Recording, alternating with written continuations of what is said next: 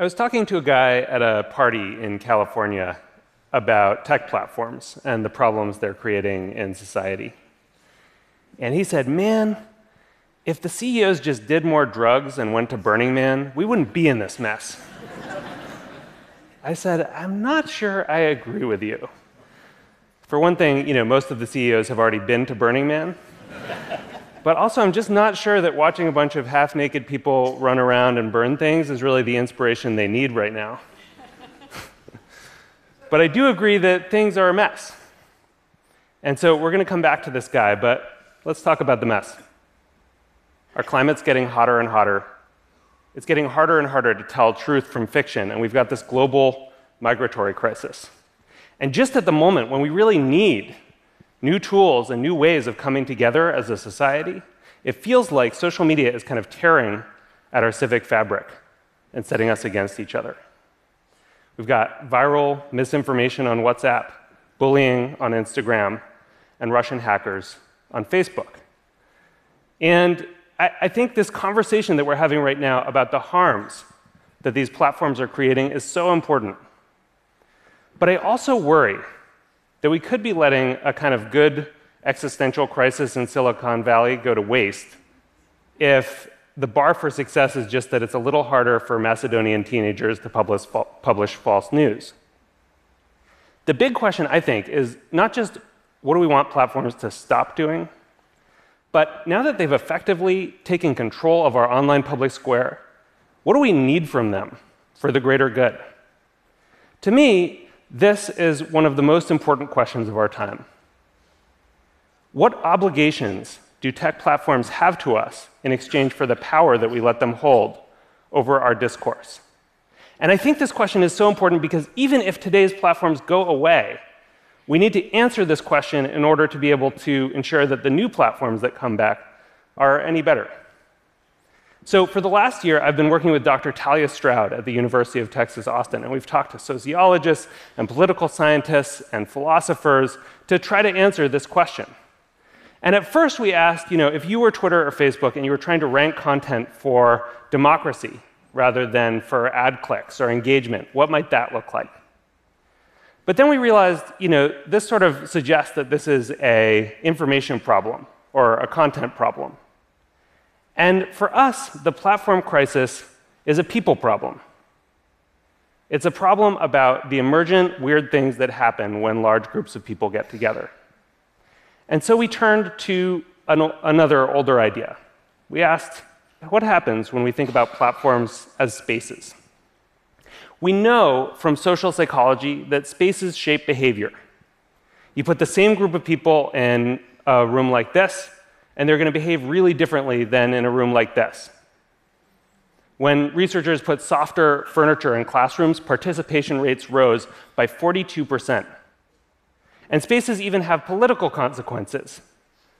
When researchers looked at uh, neighborhoods with parks versus neighborhoods without, after adjusting for socioeconomic factors, they found that neighborhoods with parks had higher levels of social trust and were better able to advocate for themselves politically. So spaces shape behavior, partly by the way they're designed, and partly by the way that they encode certain norms about how to behave. You know, we all know that there are some behaviors that are okay in a bar that are not okay in a library, and maybe vice versa. And this gives us a little bit of a clue because there are online spaces that encode these same kinds of behavioral norms. So, for example, behavior on LinkedIn seems pretty good. Why? Because it reads as a workplace. And so people follow workplace norms. You can even see it in the way they dress in their profile pictures.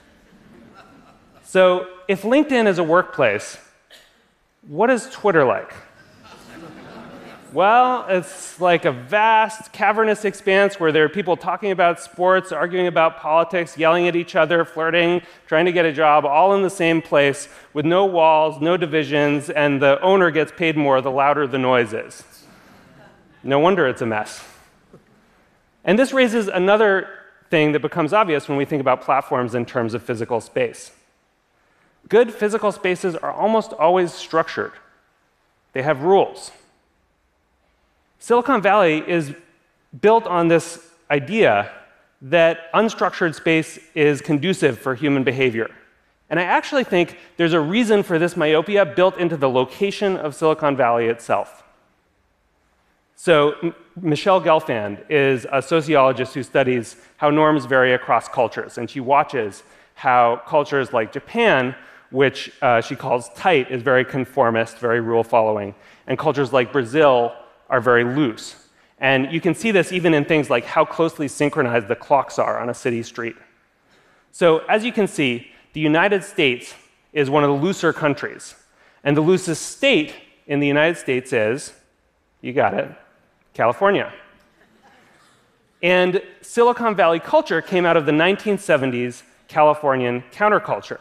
So, just to recap, the spaces that the world is living in came out of the loosest culture in the loosest state in one of the loosest countries in the world. No wonder they undervalue structure. And I think this really matters because people need structure. You may have heard this word anomie. It literally means a lack of norms in French. And it was coined by Emile Durkheim to describe the vast overwhelming feeling that people have in spaces without norms. Anomie has political consequences. Because what Gelfand has found is that when things are too loose, people crave order and structure. And that craving for order and structure correlates really strongly with support for people like these guys. I don't think it's crazy to ask if the structurelessness of online life is actually feeding anxiety that's increasing a responsiveness to authoritarianism. So, how might platforms bring people together in a way that creates meaning and helps people understand each other?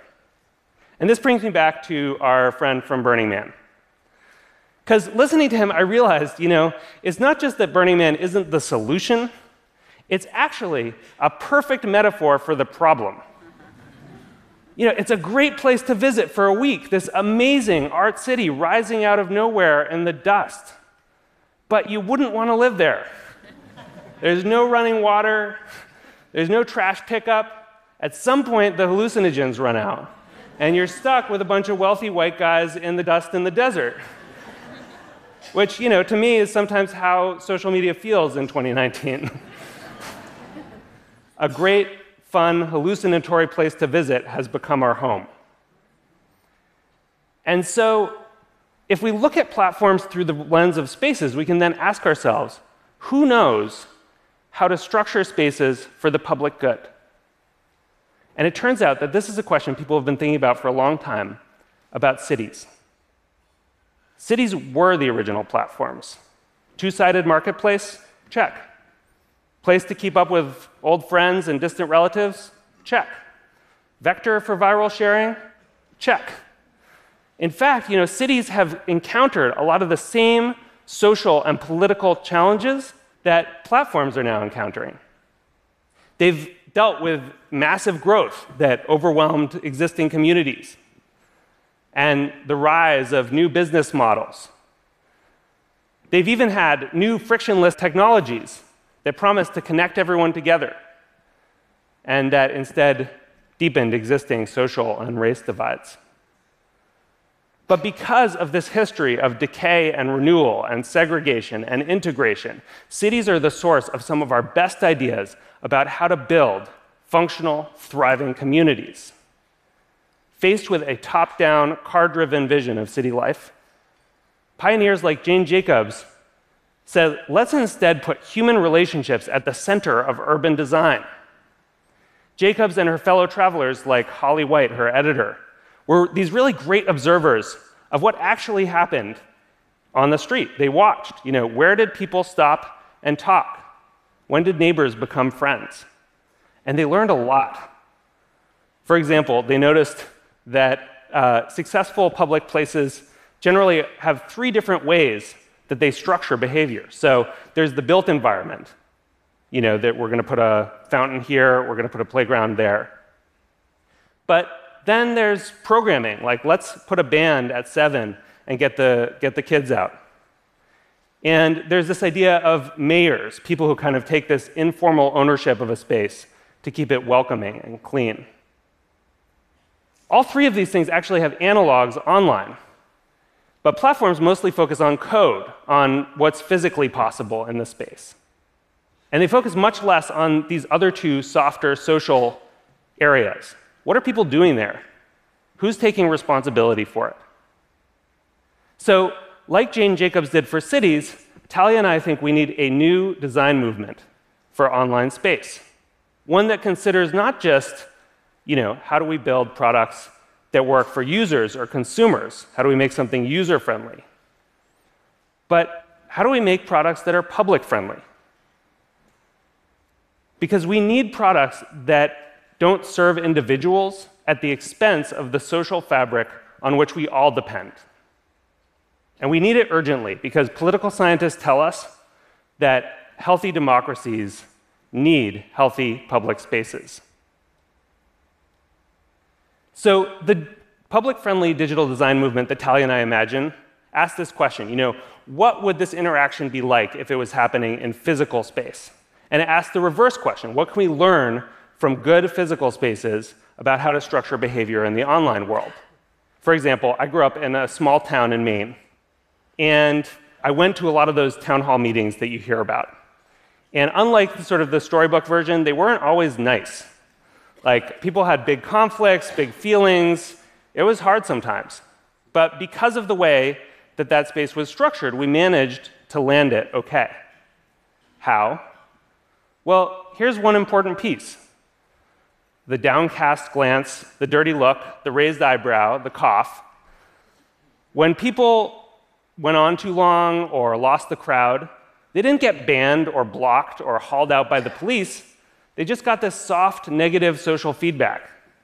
And that was actually very powerful. I think you know, Facebook and Twitter could build this, something like this.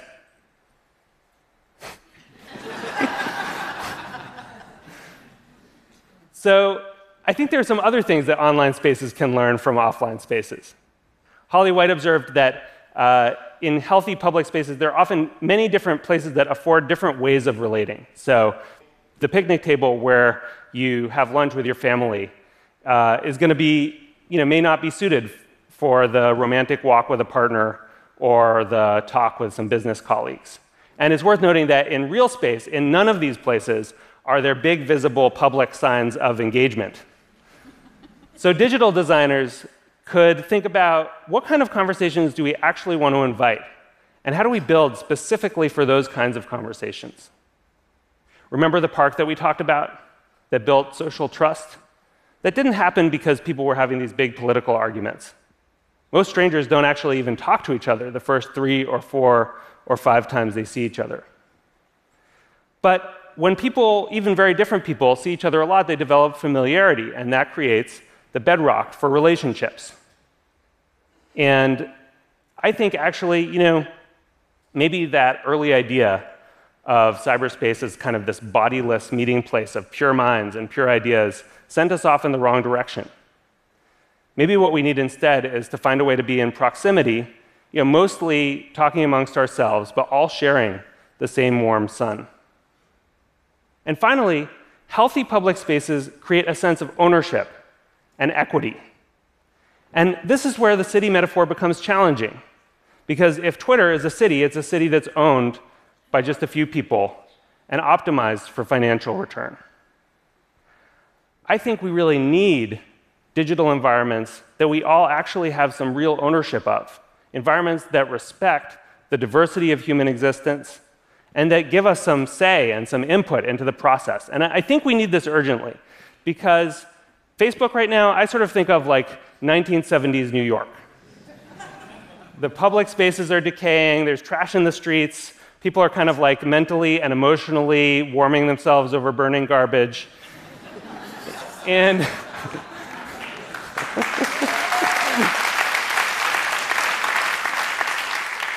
And the natural response to this is to hole up in your apartment or consider fleeing for the suburbs.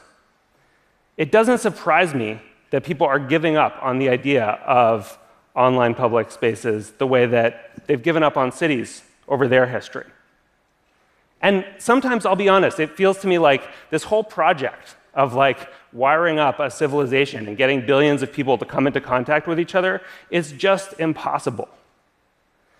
But modern cities tell us that it is possible for millions of people who are really different, sometimes living right on top of each other, not just to not kill each other, but to actually build things together, find new experiences, create beautiful, important infrastructure.